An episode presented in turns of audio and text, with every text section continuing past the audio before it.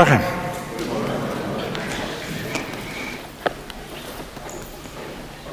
We willen vanmorgen nadenken over het feit dat de Jezus op de wolken is weggegaan, dat hij uiteindelijk ook eh, ja, op de wolken weer terug zal komen, maar we willen ook met name nadenken vanmorgen over de tijd ertussenin, van wat doet de Heer Jezus eigenlijk op dit moment. We willen dat doen naar aanleiding van datgene wat we lezen in Handelingen 1.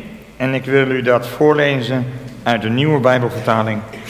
Handelingen 1 en daarvan de eerste elf versen.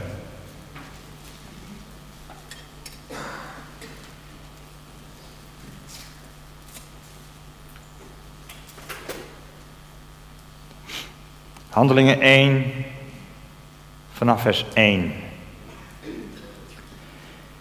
Mijn eerste boek, Theophilus. In mijn eerste boek heb ik de daden en het onderricht van Jezus beschreven vanaf het begin tot aan de dag waarop hij in de hemel werd opgenomen, nadat hij de apostelen die hij door de Heilige Geest had gekozen, had gezegd wat hun opdracht was. Na zijn lijden en dood heeft hij hun herhaaldelijk bewezen dat hij leefde. Gedurende veertig dagen is hij in hun midden verschenen en sprak hij met hen over het koninkrijk van God. Toen hij eens bij hen was, droeg hij hen op: Ga niet weg uit Jeruzalem, maar blijf daar wachten tot de belofte van de Vader, waarover jullie van mij gehoord hebben, in vervulling zal gaan.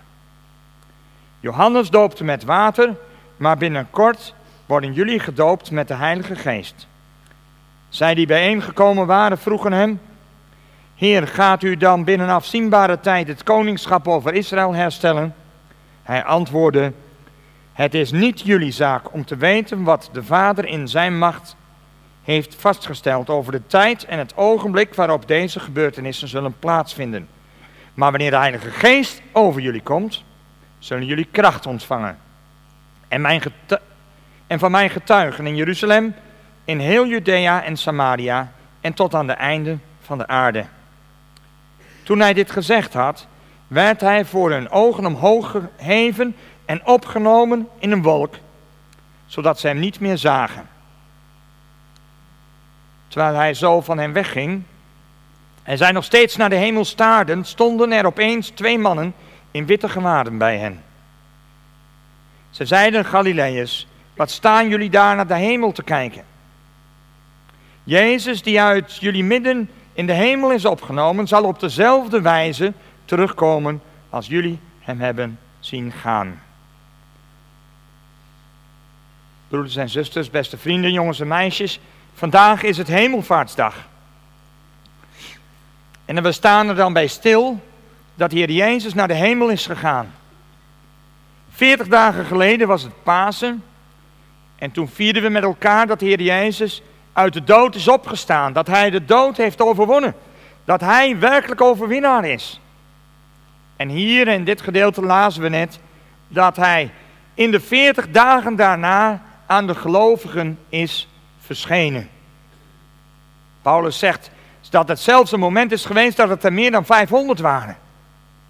Dus tussen Pasen en Hemelvaartsdag is de Heer Jezus verschillende keren aan verschillende mensen verschenen.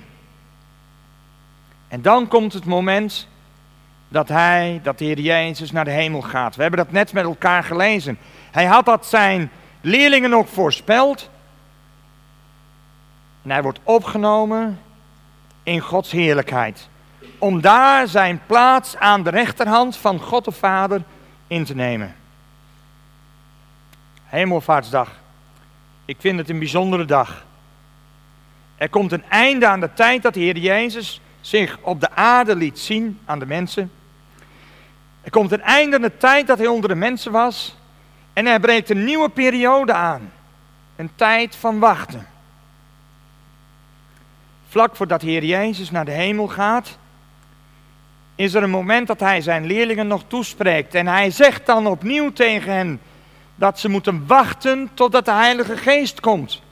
Hij had het ook voor de kruisigingen aan hen beloofd. Maar nu opnieuw zegt hij, je moet wachten in Jeruzalem. De Heilige Geest is degene die jullie kracht geeft om getuige van mij te zijn. Om aan de mensen in de wereld te laten zien dat ik degene ben die voor een zonde is gestorven.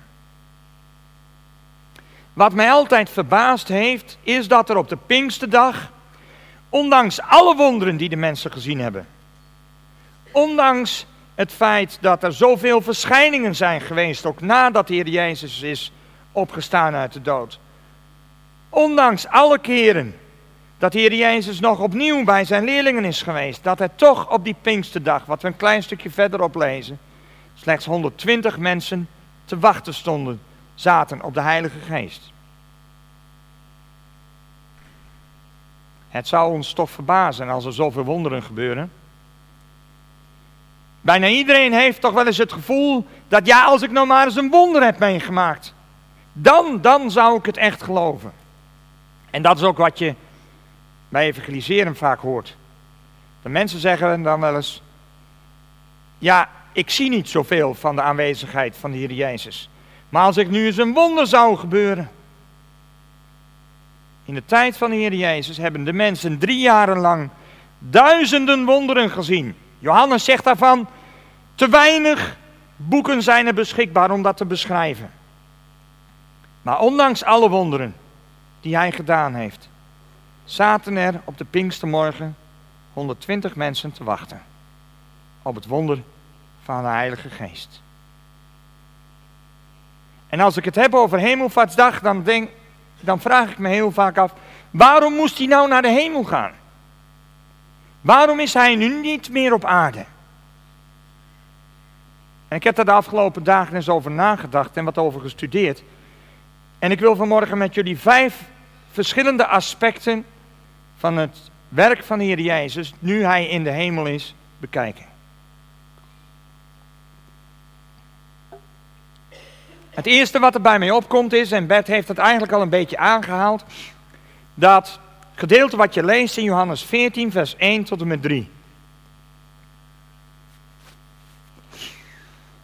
Uw hart wordt niet ontroerd. Gij gelooft in God, gelooft ook in mij. In het huis van mijn vader zijn vele woningen. Anders zou ik het u gezegd hebben. Want ik ga heen om u plaats te bereiden. En wanneer ik heen gegaan ben en u plaats bereid heb, kom ik weder en zal u tot mij nemen, opdat ook gij zijn zult, uh, gij zijn mocht waar ik ben. Daar staat dus eigenlijk dat hier Jezus naar de hemel is gegaan om voor jou en voor mij een plaats klaar te maken. Zodat we bij Hem kunnen zijn. Zoals we dat ook lezen in Johannes 17 in het hoge priestelijk gebed, dat hier Jezus zegt van, dat hij maar één groot verlangen heeft. Dat wij mogen zijn daar waar Hij is. En nu is Hij bezig om voor jou en voor mij een plaats klaar te maken om ons uiteindelijk bij zich te hebben. Als er een einde aan ons leven hier op aarde gekomen is. Het eerste wat dus de Heer Jezus doet is plaats bereiden. Maar dat is niet het enige wat hij doet. Het tweede voorbeeld lezen we in Handelingen 2, vers 33.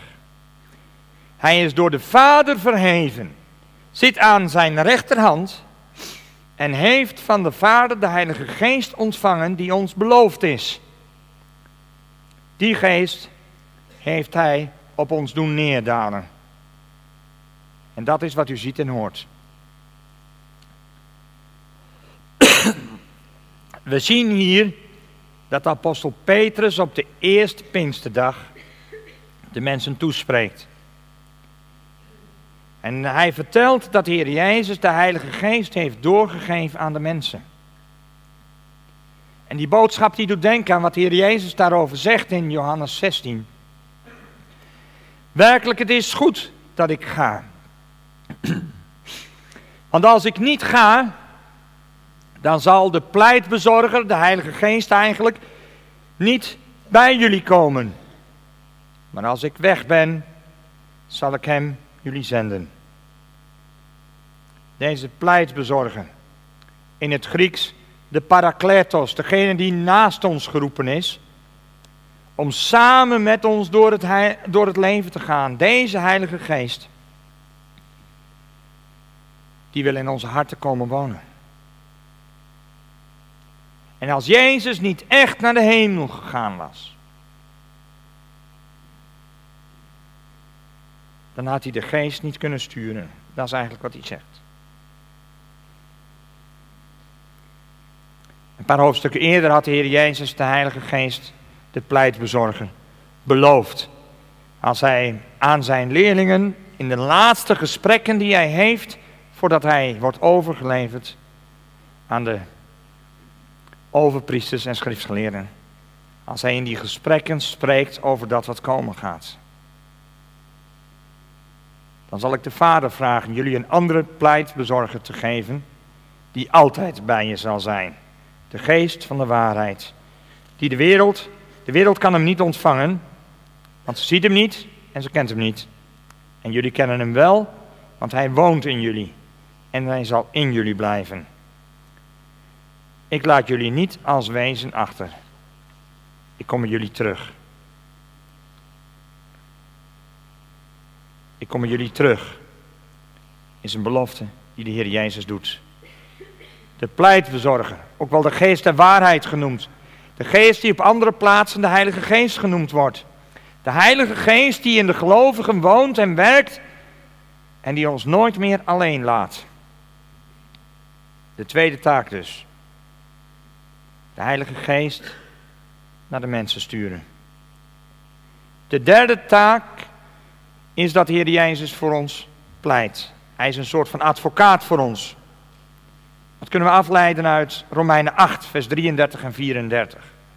Daar staat: Wie zal de uitverkorenen van God aanklagen? God zelf spreekt hen vrij. Wie zal hen veroordelen?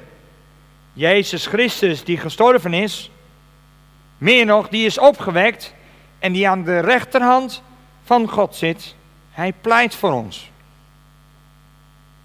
Dat betekent dat de Heer Jezus voor ons bij zijn Vader in de hemel pleit, zoals een advocaat in een rechtszaak zijn cliënt verdedigt. De taak van een advocaat is om ervoor te zorgen dat zijn cliënt, zijn klant, zo min mogelijk straf krijgt en dat de rechtszaak eerlijk en volgens de regels verloopt. Heer Jezus vertelt als wij worden aangeklaagd dat alle verkeerde dingen die wij gedaan hebben, die uiteindelijk genageld zijn aan het kruis. Dat Hij voor onze zonde is gestorven. En dat, hij, dat wij daardoor vergeven worden. Hij is een pleiter. Hij neemt het voor ons op. En dat is het derde. Het vierde is, en dat vond ik heel opvallend, um, is dat hij is verheven tot een leidsman en redder van Israël.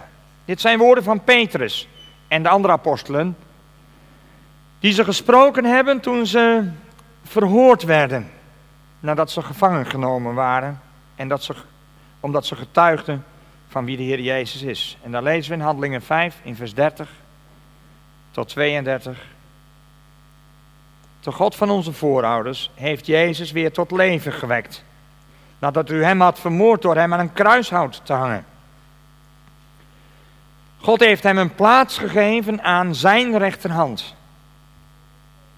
Hem tot leidsman en redder verheven om de Israëlieten tot inkeer te brengen en hun zonden te vergeven. En daarvan getuigen wij. En daarvan getuigt ook de Heilige Geest die God geschonken heeft aan hen wie hem gehoorzamen. Dat is een hele andere taak. Maar de Bijbel van zegt dat Heer Jezus daarmee bezig is. Bijzonder dat er een speciale taak ook is voor het volk Israël.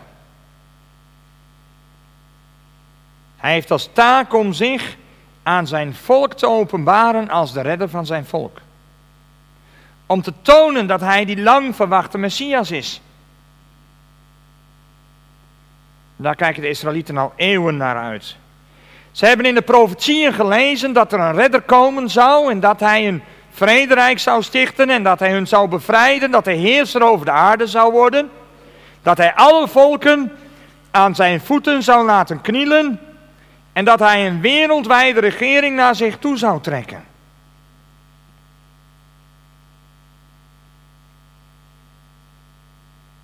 Ze weten dat hij ervoor zal zorgen dat er een vrederijk komt, zoals we dat ook beschreven zien in de Bijbel. Waar de aanwezigheid van God zo groot is, dat er niets meer zal zijn dat de andere, die de andere naar het leven staat. Niemand meer zal zijn die de andere naar het leven staat. Zelfs de dieren zullen elkaar niet meer opeten. Een lam en een leeuw zullen samen grazen in het gras. En het volk, Joodse volk, kijkt ernaar uit. Ze begrijpen niet dat de Messias al gekomen is. Ze kunnen niet begrijpen dat de Heer Jezus veel profetieën uit het Oude Testament vervuld heeft en dat hij na zijn afwezigheid op aarde terug zal komen. Het Joodse volk zag niet dat er tussen de intocht in Jeruzalem en de komst als heerser nog een periode zou zitten. Een onderbreking in Gods kalender zou je kunnen zeggen. Want God had een plan ook met de heidenen, met de niet-Joden, met jou en mij. En toch lezen we ook in de profetieën dat ze eenmaal tot bekering zullen komen. En daarvoor zorgen is ook een van de taken van de Heer Jezus in de hemel. Het vierde is dus dat hij verheven is tot leidsman en redder van Israël. En voor het laatste wat we vanmorgen met elkaar doordenken is een taak waar we op veel verschillende plaatsen in de Bijbel iets zien beschreven. Het vijfde is dat de Heer Jezus wacht totdat zijn vijanden aan zijn voeten zullen knielen en een voetbank voor hem zullen zijn. Hebreeën 10 schrijft daarover in vers 11 tot 13. De priesters blijven dagelijks hun dienst verrichten en steeds opnieuw dezelfde offers opdragen die de zonden nooit teniet zullen kunnen doen. Terwijl hij na zijn eenmalige offer voor de zonden voorgoed, van zijn, aan, zijn plaats aan Gods rechterhand heeft ingenomen. Waar hij wacht op het moment dat zijn vijanden voor hem tot een bank voor zijn voeten zijn gemaakt. Een indrukwekkend vers. Een vers, als je daarover nadenkt, hele grote betekenis heeft. De Joden brachten in het verleden heel veel offers om hun zonden weg te doen. De offers zijn voor hen een hele belangrijke instelling. Tijdens zo'n offer werd de straf voor hun zonde op een dier gelegd, wat geslacht en geofferd werd. En hier lezen we dat hun zonden nooit echt weg werden gedaan. Maar dat de vergeving pas tot stand kwam door het offer van de Heer Jezus. Hij gaf zijn leven om ervoor te zorgen dat de straf die bij de zonde hoort echt wordt weggedaan, kwijtgescholden. Dat er een streep door de rekening wordt gehaald. Die we tijdens, ons leven hebben opgemaakt. Onze zonden werden pas in het volmaakte offer van de Heer Jezus helemaal weggedaan. Hij werd als gevolg van het lijden en sterven van de Heer Jezus gedaan alsof de zonden niet meer hadden plaatsgevonden. Na zijn offer heeft de Heer Jezus een plaats aan de rechterzijde van God in de hemel ingenomen. Hij wacht daar op het moment dat alle machten en engelen en krachten hem worden onderworpen. Zoals Petrus dat schrijft in zijn eerste Petrusbrief. En toch hebben we zo vaak de vraag: waarom grijpt God niet in in deze wereld? Ik vind het een hele begrijpelijke vraag. Waarom zou God nog steeds wachten met het ingrijpen in deze wereld? Kijk eens om je heen. Zie eens wat er allemaal gebeurt. Veel mensen zitten met deze vraag. Er is zoveel ellende in deze wereld. Mensen worden vermoord door IS. Iran gooit raketten op Israël afgelopen nacht. Mensen die worden vervolgd omdat ze christen zijn geworden. Mensen die te maken hebben met ziekte in hun leven. Landen in oorlog met elkaar. Wereldrijders die tegen elkaar in opstand komen. En ik denk dat als je nadenkt dat je nog veel meer dingen kunt opnoemen.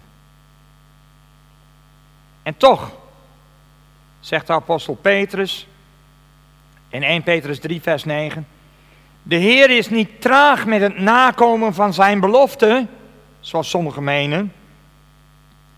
Hij heeft alleen maar geduld met u, omdat Hij wil dat iedereen tot inkeer komt en dat niemand verloren gaat. Vergeet vooral niet, zegt hij in het derde en vierde vers van 1 Petrus 3, dat er een eind, aan het einde van de tijd spotters zullen komen. Die hun begeerte zullen volgen en smalend vragen, waar blijft hij nu? Hij had toch beloofd om te komen? De generatie voor ons is al gestorven, maar alles is nog steeds zoals het vanaf het begin van de schepping geweest is. En toch zegt Petrus, de Heer is niet traag met het nakomen van zijn belofte.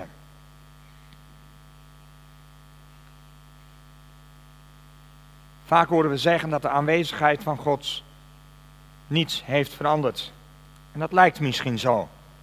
Maar op de achtergrond heeft er een grote strijd gewoed in het universum. En de duivel is verslagen. Hij is bezig met zijn laatste stuiptrekkingen.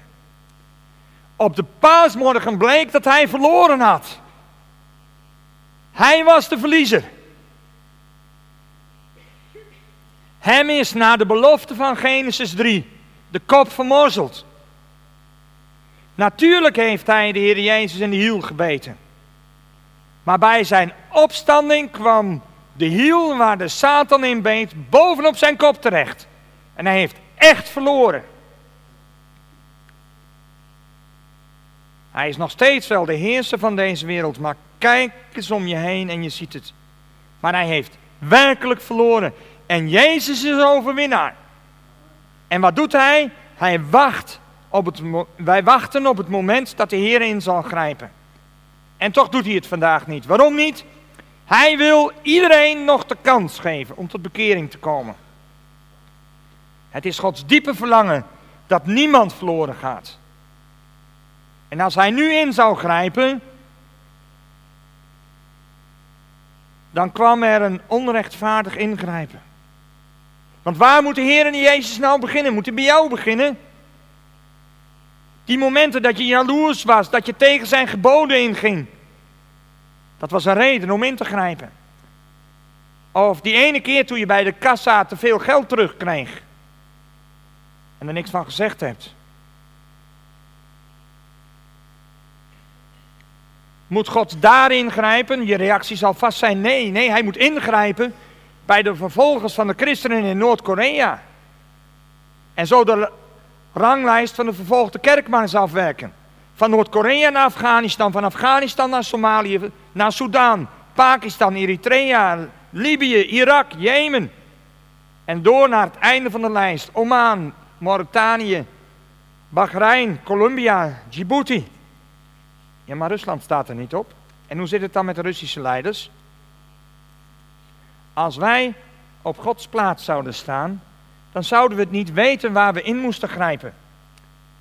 God weet het wel, maar hij heeft geduld. Geduld met de schepping.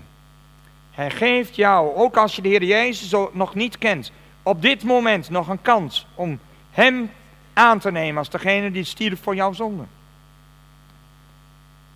De leerlingen van de Heer Jezus stonden te kijken naar de lucht. De Heer Jezus was net naar de hemel gegaan. Een wolk had hem aan het oog ontrokken. Wolken laten in de Bijbel vaak iets zien van de aanwezigheid van God. Denk maar eens aan de wolkolom die het volk Israël door de woestijn leidde. Denk maar eens aan de plaats die de wolk inneemt in de laatste strijd tussen de Israëlieten en de Egyptenaren. God ging door middel van de wolk tussen de Israëlieten en de Egyptenaren instaan en hij beschermde daar zijn volk. Mede daardoor konden ze het volk niet benaderen. De wolkolom leidde het volk door de woestijn heen. Ook op een ander moment is het heel duidelijk. Dat is het moment waarop de Heer Jezus met Petrus, Johannes en Jacobus op de berg der verheerlijking een ontmoeting heeft met Mozes en Elia vlak voordat hij gaat sterven. Petrus stelt voor om drie tenten op te slaan. Eén voor de Heer Jezus, één voor Mozes, één voor Elia. Maar hij is nog niet uitgesproken of een stralende wolk glijdt over hem heen. En uit de wolken klinkt een stem. Dit is mijn geliefde zoon. In hem vind ik vreugde. Luister naar hem. Als we kijken naar de profetieën over de wederkomst van de Heer Jezus, dan zien we dat er in alle aankondigingen gesproken wordt over wolken waarop de Heer Jezus terugkomt. Of nu is in Daniel 7, in Openbaring 1, in Zacharia 12. Elke keer weer is er sprake van wolken waarop de Heer Jezus terugkomt. Dan komt er een einde aan de ellende op deze aarde. Dan grijpt God echt in. Dan komt alles tot zijn doel. Hebben straks gezien dat het ingrijpen van God nog steeds uitgesteld wordt. Met als eerste doel dat mensen tot bekering komen. Dat alle mensen hun leven leggen in de handen van de levende God. Dat alle mensen tot ontdekking komen dat God een God van liefde en genade is. En mijn vraag vanmorgen aan jou is: in hoeverre is het wachten nog op jou? Heb jij je leven echt in Gods hand gelegd? Heb jij vergeving gevraagd voor je zonden? Heb jij al plaats, uh, gebruik gemaakt van het plaatsvervangende lijden van de Heer Jezus? Hij stierf voor jou. Hij is nu in de hemel om voor jou een plaats te bereiden. Om alles uiteindelijk tot zijn doel te laten komen. Hij strekt zijn hand uit naar jou. Maar wat doe jij met die uitgestrekte hand? Pak je Gods liefdevolle, genadige handen aan? Of kies je er vanmorgen voor om niet met God in zee te gaan? De keuze is aan jou. Hij wil jouw leven leiden. Maar hij wil je niet dwingen. Hij wil jouw leven helemaal in zijn hand nemen. Om jou uiteindelijk in zijn heerlijkheid op te nemen. Om te mogen zijn op die plaats die hij bereid heeft. Zodat we voor altijd bij hem kunnen zijn. God verlangt ernaar. God verlangt naar jouw aanwezigheid bij Hem in Zijn heerlijkheid. Tot eer van Zijn naam. Amen. Zullen we samen bidden?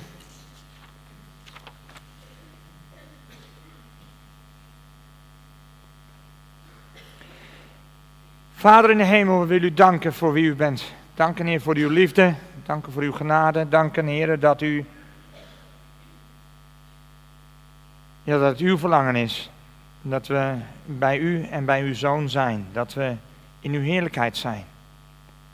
Ik wil u danken, Heer, voor die tijd die we hier samen over na mochten denken. Danken voor alles wat u voor ons hebt gedaan. Danken dat u voor ons pleit en bidt, omdat we het uit onszelf niet kunnen. Danken dat u, ja, dat u ons leven kent en dat u weet waar de dingen aan schorten. Ik wil u bidden of u bij ons wil zijn. Of u wil maken, Heer, dat als we u nog niet kennen, dat we werkelijk een keuze voor uzelf zullen maken. Dat we onze handen uit zullen strekken en naar uw uitgestrekte hand vast zullen pakken. En ik wil u bidden of u eh, ja, ons wil helpen om op de plaats waar we zijn, en getuigen van uzelf te zijn. Heer, ik wil u danken dat u in ons leven bent gekomen, als we u mogen kennen. Dan wil ik u danken, Heer, dat er een moment is geweest dat u hebt ingegrepen in ons leven en dat u kinderen mochten worden. Ik wil u bidden dat u ja, ons wil helpen om dicht bij uzelf te blijven. Om u te volgen, elke dag opnieuw. Te horen naar uw stem, ja, achter u aan te gaan. Ik wil u bidden, wilt u uh, deze dag ons ook verder zegenen in de dingen die we doen en ook maken dat we een goede tijd samen mogen hebben. Dank u voor uw liefde. Dank u voor uw trouw. Dank u voor uw genade. Dank u voor het feit dat u en uw zoon naar ons hebt omgezien. Geloofd en geprezen zij uw naam. Amen.